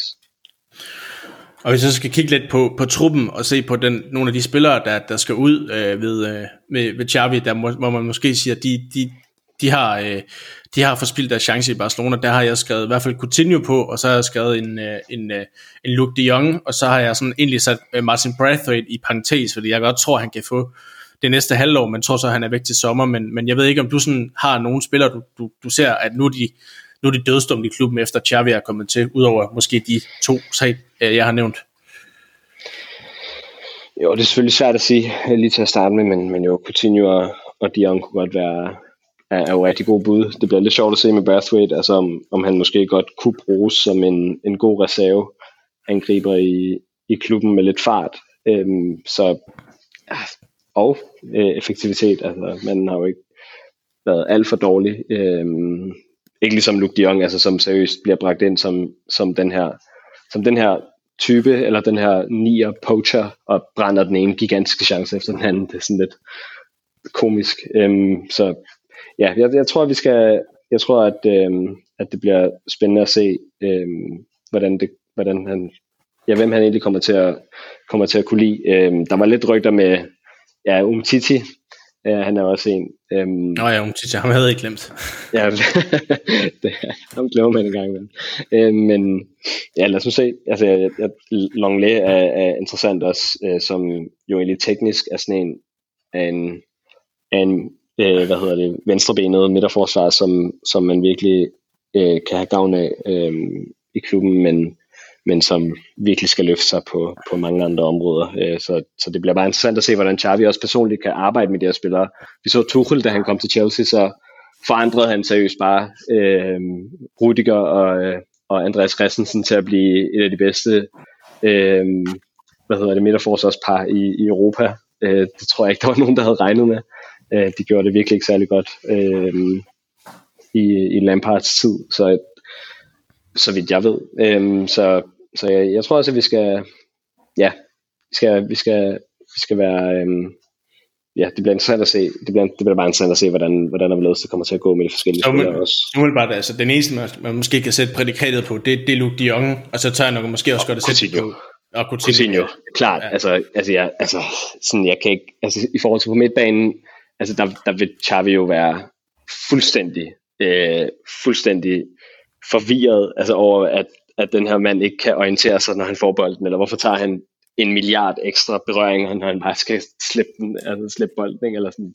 Jeg tror ikke, at, jeg, tror, jeg tror virkelig, at, at Xavi øh, får ham så langt væk fra midtbanen som overhovedet muligt, øh, og, og, og det går jo heller ikke så godt i angrebet, så, øh, så jeg tror simpelthen bare, at ja, jeg tror ikke, at, jeg tror ikke, at der er så meget at gøre i, i hans case. Øh, hvem ved, måske kan han blive en god venstre højre kant, eller sådan, jeg ved det ikke. Jeg, jeg, jeg tvivler, jeg tvivler. Altså. Lad os håbe på, at, øh, lad os håbe på, at, øh, at Newcastle de sidder klar med at smide ja, bare noget af, noget af de der kæmpe milliardbeløb i gav, og tænker, at Coutinho, jamen, det, det, det er en spiller med høj anseelse, hvis man uh, kender det fra, fra, fra football manager. Ikke? Ham, ham kører vi lige ikke. Lad os, lad os håbe på det, så der kan komme lidt penge i, i klubkassen. Hvis ja. vi skal, hvis vi skal kigge lidt på, på hvem man så kunne købe ind, altså nogle spillere har jo det her prædikat, så siger man, at han er en Klopp-spiller, eller han er, han er en Guardiola-spiller. Hvem, hvem kan man kalde, han er, han er en Xavi-spiller? Altså hvad for nogle type spillere vil Xavi gå efter? Øh, vil det være sådan nogle, øh, vi også ser Guardiola gå efter, eller vil, det, eller vil han også være lidt øh, alternative tingene, for eksempel en, en Luis Enrique, der, der gik efter en Rakitic, der måske ikke lige var, hvad skal man sige, en udpræget Barcelona-spiller, men jo så bare passede helt vildt godt på det tidspunkt i, i klubben. Mm, ja, jeg, jeg, jeg, altså vi, kan, vi kommer helt sikkert til at kunne forestille os nogle lidt mere, øh, altså i forhold til midtbanen, øh, så jeg ved ikke om vi overhovedet kommer til at brug for, have brug for en midtbanespiller i de næste, jeg ved ikke hvor mange år, på grund af alt den talent, vi har, øh, vi har der, øh, og fortsat få ind fra B-holdet. Øh, men, øh, men, men der vil jeg mere se i forhold til hans system, altså det er rimelig klart, at at han godt kan lide brede kantspillere. Altså kantspillere, der, der, der, der, der, der virkelig strækker banen ud. Øhm, så, og der, der, altså der har vi på en god, på en heldig måned har vi lige Dembélé. Øhm, men så, så jeg tror, at, at første, og måske også bare generelt, altså angriber, øhm, jeg tror, jeg tror, jeg tror at første øhm, prioriteterne for ham bliver at, at hente øhm, enten en, en kantspiller eller en, eller en angriber ind, øh, enten her til januar eller til næste sommer. Der har jo været meget snak om, om ham her Karim Adeyemi fra Red Bull øh, Leipzig, øh, som jeg synes ser helt vildt lovende i forhold til præcis det, vores angreb mangler. Altså spillere, der går ind en mod en og bare udfordrer, udfordrer, udfordrer, og samtidig er kliniske øhm, foran, foran målet. Øhm, men, men der har jo været snak om nogle, altså igen, altså i forhold til vores økonomi, er det jo utænkeligt, at vi går ud og henter, eller at vi overhovedet kan konkurrere i forhold til øh, Holland for eksempel. Øh, men der har jo været lidt snak om nogle, øh, hvad hedder det, lån her til, øh, her til januar, for eksempel Sterling. Øh, en spiller som Kingsley Coman, tror jeg, er, tror jeg, Xavi rigtig godt kan lide. En bred kantspiller, der kan spille på begge, både venstre og højre kant. Øh, men ja, jeg tror også, vi skal være realistiske og, og se på vores øh, økonomi først. Øh, men men, men, men ja, måske, jeg tror, vi skal holde øje med Koman, øh, Sterling eller Adiemi øh, her til januar eller, eller sommer. Interessant, altså jeg vil også sige, at angrebet er nok også der, der skal fokuseres, og så også øh, det centrale forsvar, der, der, der mangler der i hvert fald noget, også hvis vi både sælger Langley og Umtiti, øh, Arojo har, har været god, og, og Piquet har jo, er jo har et par sæsoner tilbage, men, men jeg synes jo, der mangler noget dernede. Om det så er en Matthijs Delict, man skal gå all in på om et par sæsoner, eller hvad det er, det må vi jo se på, men, øh, men der ved jeg ikke, om, om, om det er også, at Xavi måske er en mere, sådan at, at det skal være sådan en boldspillende forsvar, som vi jo har set i, i form af en Piquet, ikke? Absolut, altså, og, og også øh, ideelt set en, en mere alsidig forsvarsspiller. Altså den her trebakkæde, han spillede i, øhm, i Al-Sad, der deres, øh, den forsvarsspiller var på venstre side, den venstre centrale øh, forsvarsspiller, han, han var også øh, han, han var også lidt venstreback, en meget stor venstreback, øh, men, men han, han, han tog virkelig nogle, en masse drives, øh, så jeg tror, at jeg tror, at den der øh, den der venstre øh, venstrebenede øh, midterforsvar, den alsidige venstrebenet, lidt en Abidal, øh, den, ham, den tror jeg godt, hvis, hvis der lige pludselig kom en, en mulighed. Der er faktisk en på B-holdet lige i øjeblikket, Mika Marmol, som er den bedste B-spiller den her sæson, som, som også er, er oppe at træne på førsteholdet, øhm, som man skal, som, som potentielt kunne være en, som Xavi godt kunne lide. Øh, det, det, det, det er måske for tidligt at sige. Øhm, men, men sådan en spiller, måske kan min gæsser bruges, men bare på højre side til, til sådan en rolle. Øhm, men, men, men, men altså Matthijs de Ligt, altså måske om to år, altså hvis vores økonomi øh, tillader det. Altså, så jeg, jeg har ikke så mange forhåbninger i forhold til det der giga, giga og det har vi jo heller ikke nødvendigvis brug for. Altså, altså nogle af vores bedste spillere har vi jo nærmest fået gratis, ikke? Altså enten fået den gratis, eller nærmest fået den gratis. Altså det handler også mere, nogle gange handler det altså også mere om, om evnen til at, at spejde, evnen til at scoute ordentligt, øhm, og, og, og se på de her, citat, øh, øh, markedsmuligheder, altså det vil sige gratis spillere, Ja, en, en, en, en AC bliver rygtet til nu, ikke? Altså, som jo. måske lige nu er en af, en af de bedste forsvarsspillere i verden. Øh, altså helt øh, ærligt, faktisk, ja.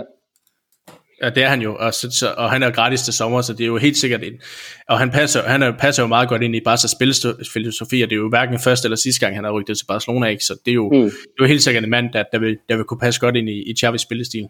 Mm der er masser af gode spillere rundt omkring. Man behøver ikke betale 100, 150 millioner for, for gode spillere. Det har vi jo ikke engang gjort. det har vi ikke formået at gøre, når vi heller har brugt så mange penge. jeg, øhm, tør ikke, jeg tør ikke tænke på, hvad jeg brugte i lægeregninger på Dembélé og Coutinho. Altså, det, det må næsten være højere, end, uh, end hvad vi har brugt på dem i, i in real life, ikke? jo, præcis. Ja, jeg tror, der, jeg, der kommer forhåbentlig til at være gode muligheder. Øh, og og det, det virker også som om, at Xavi får en, en større rolle end bare træner. Øh, Ramon Planes øh, har desværre valgt at, at forlade klubben af, af personlige årsager. Øh, han vil gerne til Newcastle. Øh, måske til Newcastle, hvem ved, men, men manden havde jo et fuldstændig fantastisk øje for talent. Øh, altså spejdet uden konkurrence, både Pedri og Araujo. Øhm, og har virkelig, virkelig et godt øje for, for gode, ukendte spillere, øh, bare gode spillere generelt, og så kan man jo sige, om han hentede jo også Breathwaite og Luke de Jong og så videre, så videre, men der var også forskel på at spejde ind en spiller og hente ham, end at blive tvunget til at hente en spiller, altså ud fra, øh, hvad træneren eller præsidenten gerne vil. Øh, så, så, så, og Xavi han kommer til at have en, en udfylde nogle af hans roller også. Øhm, der kommer i hvert fald ikke til at være en direkte øh, erstatning til, til Planes i øjeblikket. Så, så jeg tror, at det kommer til at være altså Xavi, han, jeg håber, at Xavi har en god evne til at se, til at finde nogle gode spillere øh, med den økonomi, vi har, vi har til rådighed.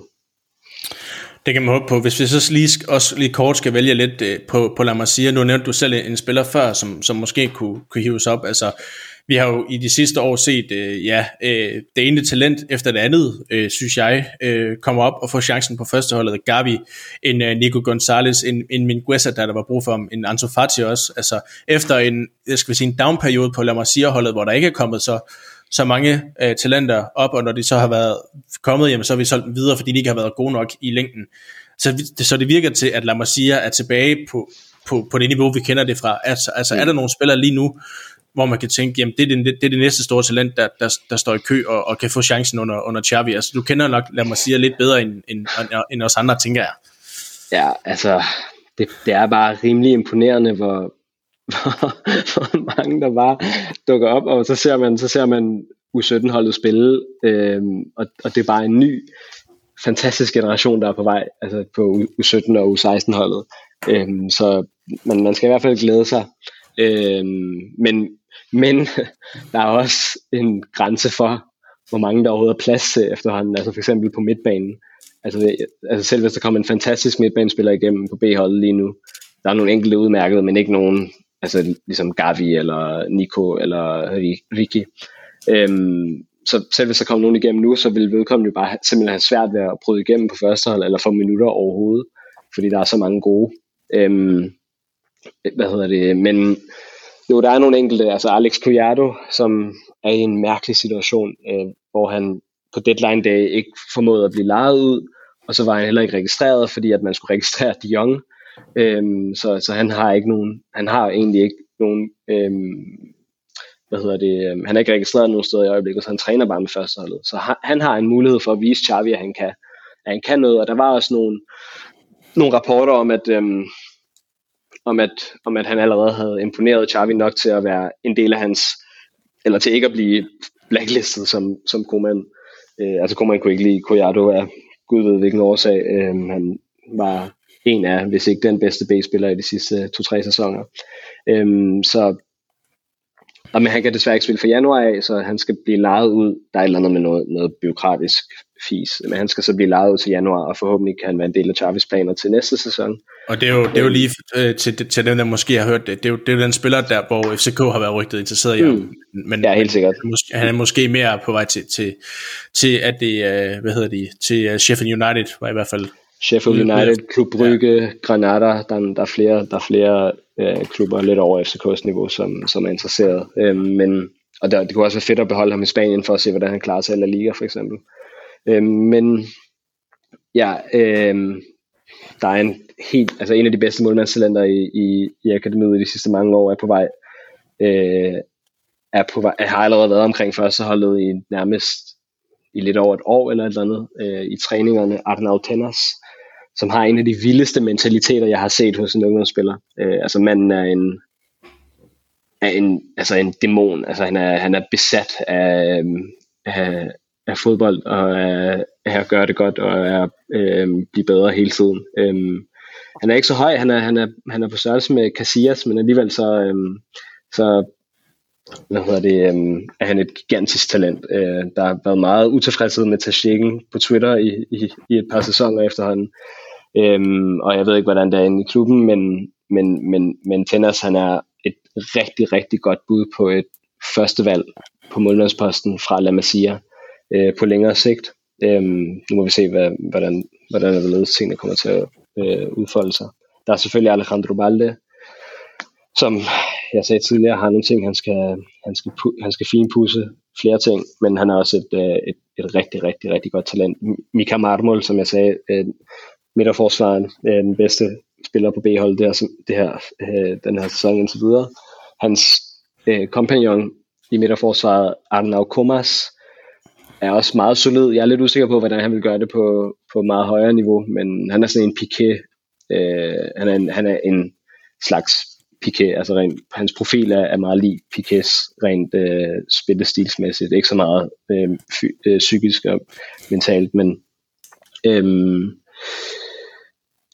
i angrebet kniver det en lille smule, øh, men, men der er en højre kant, Elias Ahomach, øh, som er øh, et, et, et et stort talent, for at sige det mildt.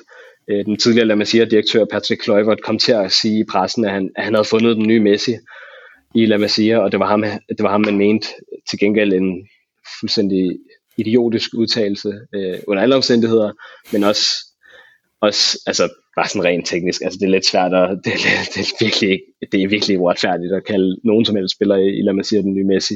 Også selvom at, man, også selvom at Elias er en helt vild talent fuld øh, venstrebenet højre kant, som virkelig kan øh, virkelig kan øh, ødelægge øh, forsvarsspillers ankler.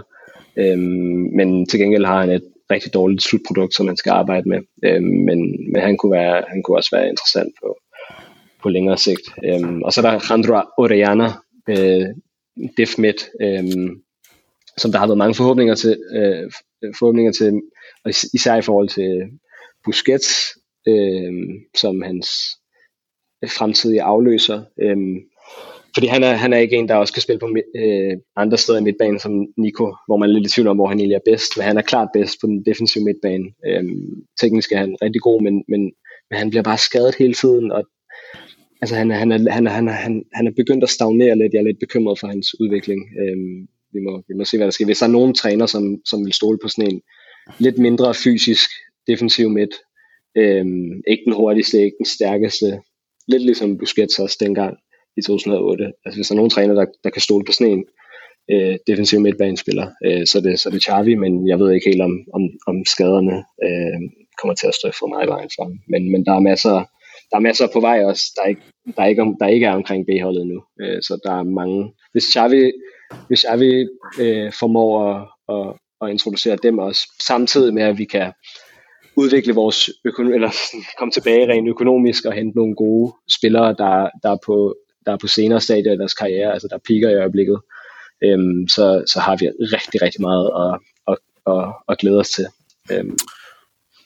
Det lyder jo, det lyder jo helt vildt øh, fedt, og, og det skal også lige siges med det her, lad mig sige, at, at jeg håber jo også en gang, vi kan få lavet sådan et, et, et, et fokus på dig, på det med, med dig som, øh, som gæst også. Øh, du, du, du er nok en af de danske coolest, øh, der, der ved mest om, om siger, i hvert fald øh, i mit Twitter-feed, så det kunne være interessant at høre alle de tanker, du har om man siger på et tidspunkt. Nu fik vi i hvert fald lige et fem minutters indblik i, i, i nogle af de her, hvad hedder det, uh, talenter, som måske kan få chancen under Xavi, men man ved jo aldrig, uh, de her talenter, altså man kan jo være et kæmpe talent som 16-årig, og så bare ikke få det til at fungere. Uh, et bedste ja. eksempel er vel, er, er vel Bojan i, i, i Barca-standarder, ikke, som jo måske var et større talent end Messi, men som aldrig rigtig slog igennem på, på førsteholdet, vel? Um, Helt sikkert. Jeg, jeg, har, jeg har det meget svært ved det der med at, at være sådan, om oh, ham der, han bliver den næste, sådan og sådan, og sådan, altså det, altså, de her, de her unge knægte, det, øh, det er vildt, hvor meget, hvor, hvor meget det kan gå op og ned bare på et par uger. Ikke? Altså sådan, det, er, det afhænger af så, så mange forskellige ting. Øhm, ja, ja, og, og omvendt, så, så, kan du, øh, så, så kan du ikke være særlig god som, som, som ungdomsspiller, men lige pludselig have et peak som, som seniorspiller. Altså Joachim Mæle lige nu på det danske landshold, mm. han var mm. ikke særlig god som, som ungdomsspiller. Det samme med, men Henrik Dalsgaard, han var jo først oppe i 20'erne, da mm. han slog igennem i, i OB, ikke? Så, så det er jo nogle gange lidt svært at, at, at lige udpege, at, at ham der, men der er jo selvfølgelig nogle exceptionelle talenter, som, som Messi og, og Cristiano Ronaldo og, og, og Neymar, i, da de var yngre, ikke? Men, men, men ja. Men, øh, jo, du har i hvert fald givet... Gesser også. Ja. Oscar ja, ja. Gesser, han er også et godt eksempel. Altså, han har jo spillet mere på, han spillede mere på førsteholdet sidste, sidste sæson, end han gjorde i to sæsoner på B-holdet, øh, fordi han ligesom blev brugt som en alsidig forsvarsspiller på B-holdet. Lidt sådan Nacho-agtigt. Øhm, og selvom han også gjorde det rigtig fint, så var der ingen af os, der, havde, ingen af os, der følger, lad mig sige, der havde forventet, at han bare kunne komme op på førsteholdet og spille på så højt et niveau, som han gjorde sidste, sidste sæson. Øhm, så ja. det, det er virkelig svært at forudse. Jeg tror heller ikke, jeg tror hverken jeg eller nogen andre hænger det op på og siger, hey, du sagde han, øh, det, det, det gør jeg i hvert fald ikke, men, men du har i hvert fald givet et, et, et, et bud på, hvem, hvem, øh, hvem det kunne være, og nogle af dem øh, kender jeg, øh, i hvert fald ud fra, fra, fra Football Manager og fra FIFA også, øh, så det er, jo, det, det er jo i hvert fald solid mm. bud, synes jeg. Hvis vi skal kigge på det sidste her, så øh, Chavis øh, debut, den, det er jo i morgen, når øh, øh, Barcelona altså tager imod øh, bysbørnene fra Espanyol. Øh, hvis vi skal kigge lidt på, på, på debuten som træner, altså han får jo en hård start med, man, man kan sige, det her Barcelona, der er vi ikke, det er vel den anden sværeste, eller det er en af de anden vigtigste, en af de vigtigste kampe for Barcelona sæson ud over et klassiko, det er at vinde over de her bysbørn for Espanyol. Og så har han jo så Benfica i, i, i midtugen i, i Champions League, ikke, som er alt, alt afgørende, om Barcelona kommer videre i Champions League, så man kan sige, Xavi han starter lige på hårdt, øh, men øh, hvis, hvis vi bare lige kort skal vende øh, kampen i morgen, altså øh, tror du, hvad, hvad, hvad, hvad skal vi sådan holde øje med, som han bytte som træner? Altså, kommer han ind med sådan en, en, en, en øh, revolutionerende spillestil i forhold til Koeman, eller, eller hvad tror du? Jeg tror, at vi, jeg tror at ganske enkelt, at vi skal, vi skal bare forvente, at, at, at det bliver at det bliver et hold, der meget bedre kan lide at, at udtrykke sig med bolden. Øhm, jeg, altså jeg, jeg er så sikker på, at, at det, det aftryk, vi kommer til at se fra dag 1, det er et ønske om at spille en mere positiv form for fodbold. Og med det, der mener jeg altså en progressiv form for fodbold, øh, hvor man ikke bare opgiver med at, med at spille den op fra, øh, fra målmanden, øh, hvis der er lidt pres. Altså man for eksempel øh, ja, altså det så man i, i Alsat, øh, hvor, hvor holdet udvikler sig til en trebak, eller forsvaret udvikler sig til en trebakkæde, og så byggede man op øh, langsomt og, og tålmodigt. Øhm, og man ligesom risikerede, at der er også en, der er også en risikofaktor i det, ikke? så det er også det der, er, altså det der måske, måske kommer det, eller formentlig går, kommer det ikke til at gå, som, øh, som alle sikkert forventer fra dag 1. Øh, på et, et eller andet sted forventer man jo, at det kommer til at gå sindssygt godt fra dag 1. Øh, men men der, jeg, jeg, jeg tror bare, at der kommer til at være en, en intention og et forsøg på at spille noget positivt, øh, dominerende fodbold. Altså dominerende mener simpelthen bare, at, at vi kommer til at have bolden rigtig meget. Øh, det tror jeg også, vi kommer til at gøre i morgen fra, fra dag 1. Øh, og Xavi har, er, er i gang med et pressemøde lige nu, hvor han også siger, altså, altså selvfølgelig skal vi vinde kampen i morgen. Altså der er ingen tvivl. Øh, der er, altså selvom at det, vi ikke er i en bedste situation osv., så, videre, så skal vi jo naturligvis gå efter at, at vinde alle vores kampe fra dag 1. Super, hvis du skal have øhm, til sidst har et, har et bud på, på, på holdopstillingen og også på, på sådan formationen, øhm, så kan det være fedt, hvis, øh, hvis, du, ja, hvis du har et bud på det. Øh, selvfølgelig så taget, taget de spille, det, det skal ikke være sådan en, hvad skal man sige, den her kommer Chavis til at stille op, men det er i forhold til, til de spillere, der også er ude med skader og karantæner, men altså et, et bud på både formationen og, og startelveren i morgen. Ja, det er selvfølgelig svært, men sådan en, en god 4-3-3 i hvert fald som udgangspunkt. Øhm, Roberto kommer ikke til at være med, øhm, og det gør, øh, hvad hedder, ja, det gør Pedri og, og Dembélé naturligvis heller ikke. Øhm, så jeg ved ikke helt, om der kommer til at være nogle overraskelser. Altså, det kommer lidt til at blive, som vi har set i løbet af, af, af, af sæsonen. Øhm, med, med Gavi og Nico, Nico Gonzalez også. Nico er forhåbentlig klar efter en, en lille, noget lidt ubehag, han havde, øh, hvorfor han heller ikke tog til U21, øh, hvorfor han ikke var med Spaniens U21-hold. Men så jeg, jeg ved ikke helt, om der kommer til at være kæmpe øh, forandringer fra, fra, det, vi har, fra det, vi har set. De forandringer, det kommer til at være, øh, de kommer til at være i forhold til, hvordan vi spiller, ikke i forhold til, hvem spiller. Der har været lidt snak om ham her, Abde, øh, S. Abde, øh, fra, fra B-holdet, som man hentede fra Hercules i sommer,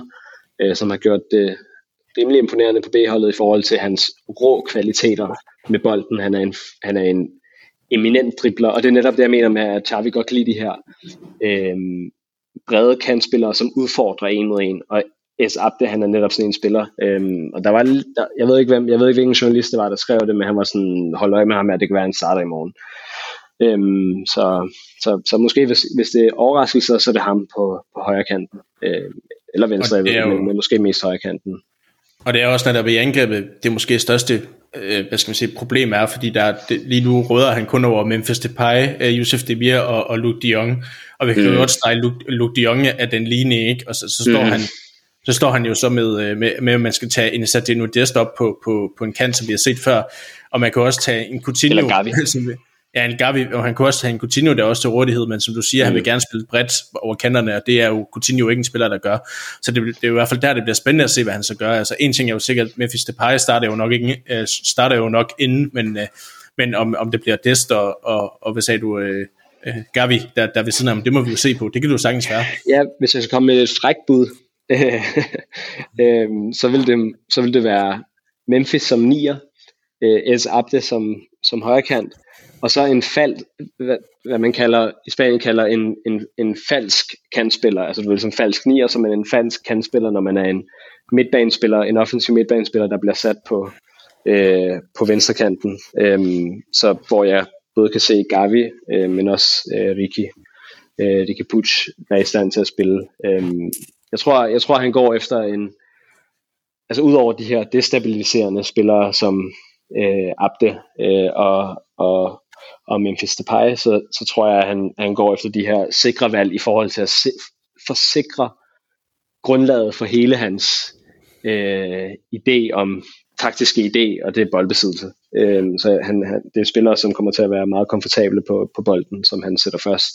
Og så de her to, måske tre øh, spillere, som kan gå ind og udfordre og være Memphis Depay mister også bolden en hel del, men, men han kommer altså også til at forhåbentlig til at være, og så spille, eller nu har han ikke gjort det så godt i, i, i lidt tid, synes jeg, men, men, men forhåbentlig kommer han til at forbedre sig øh, under Xavi. Så, men jeg tror, at, jeg tror godt, at vi, vi kan forvente sådan en, sådan en konstellation med, med Memphis som nier og, og en, måske en overraskelse på højre kanten i form af ham her, S. Abde. Det bliver i hvert fald øh, spændende. Og det sidste, jeg vil bede dig om, det er så at komme med et, et bud på, på kampens resultat i, i morgen. Øh, og det er ikke der, jeg, igen, jeg hænger dig ikke op på det, hvis, øh, hvis, øh, hvis det står rammer forkert. Det gør vi jo alle sammen. Ja, nu har, jeg så, nu har jeg så brugt en time på at sige, at vi skal have tålmodighed, og, og hvis det nu kommer til at sejle lidt til at starte med, og whatever. Øh, men nu, nu, nu, nu har jeg sådan en fornemmelse af, at, at det kan da godt være, at der bliver frigjort sygt meget energi øh, fra de her, fra de her spillere med den her nye træner. Der er, en ny, der er en ny vibe, der er en ny energi. Der kommer forhåbentlig rigtig mange fans. Det er virkelig vigtigt. Ikke? Øhm, og jeg ved ikke, det kan da godt være, at, øh, at de lige kommer til at overrumple Espanyol øhm, og, og vinder 3-0. Det ved jeg ikke. Måske, jeg tror, der kommer... Nå ja, det er en ting. Altså, kæft mand, der blev scoret mange mål i, øh, i de ansat kampe. Øh, altså, altså, folk kan gå ind og tjekke sådan hans, øh, deres hvad hedder det, målforskel, og, og hvor mange mål der blev scoret, og hvor mange mål der blev scoret imod, det er så mange. Altså, altså vi snakker 3-4 mål scoret per kamp, om 1-2 øh, imod, selvom at, selvom at, selvom at øh, Alsat vandt, øh, vandt så meget øh, og så ofte, så bliver der altså stadig scoret en del mål imod dem, så det siger også noget om, hvor risikabel Chavis fodbold egentlig er. Øh, hvor en som Johan Cruyff selv sagde, altså jeg vil hellere vinde 5-4 end, end, end, end 1-0. Og jeg tror, at Xavi er, øh, jeg tror, at Xavi er enig, og jeg tror, at øh, jeg tror måske ikke, at vi skal forvente clean sheet, så måske en 3-1'er eller en, en 4-2'er, det kunne være meget sjovt.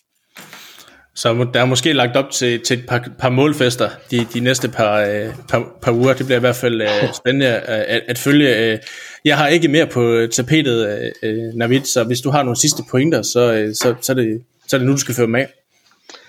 Nej, jeg tror, øh, det var, det var, det var vi, vi er kommet godt igennem. Øh, Ja, ja det, det er det, og det, det blev en lidt længere omgang, end, end hvad vi begge to har regnet med, men øh, jeg synes, vi har kommet godt igennem både øh, afgang, øh, Alves, og, Alves ind, og så selvfølgelig øh, hele den her Xavi, Xavi som træner, og hvad han står for. Jeg, jeg er i hvert fald blevet utrolig klogere øh, på, det, på det hele, og, og ser frem til, til at Xavi nu er ved rådet i, i FC Barcelona. Du skal have tusind tak, fordi du igen havde lyst til at deltage i podcasten, Navid. Mm, det var så lidt, Ryan. Tak fordi jeg måtte, øh, mange tak fordi jeg måtte, øh, måtte være med igen. Selvfølgelig, og så håber jeg på, at vi engang kan få lavet den her Lad mig sige special, hvor du for alvor kan, kan få lov til at tale om, om alle de spændende talenter, der er på, der render rundt på, på både B-holdet, men også på, på, på ungdomsakademierne i, i FC Barcelona, og, og selvom vi, vi ikke kan lide prædikatet det næste Messi, så, så kan vi håbe på, at vi i fællesskab kan pege på en eller anden, der siger, at det der det bliver den næste Messi for FC Barcelona. Ja, lad os se. Lad os se. lad os se. I hvert fald tusind tak, øh, for, fordi du var med, og så, ja, så Tak til jer, der har lyttet med, og indtil næste gang, så vi skal bare så.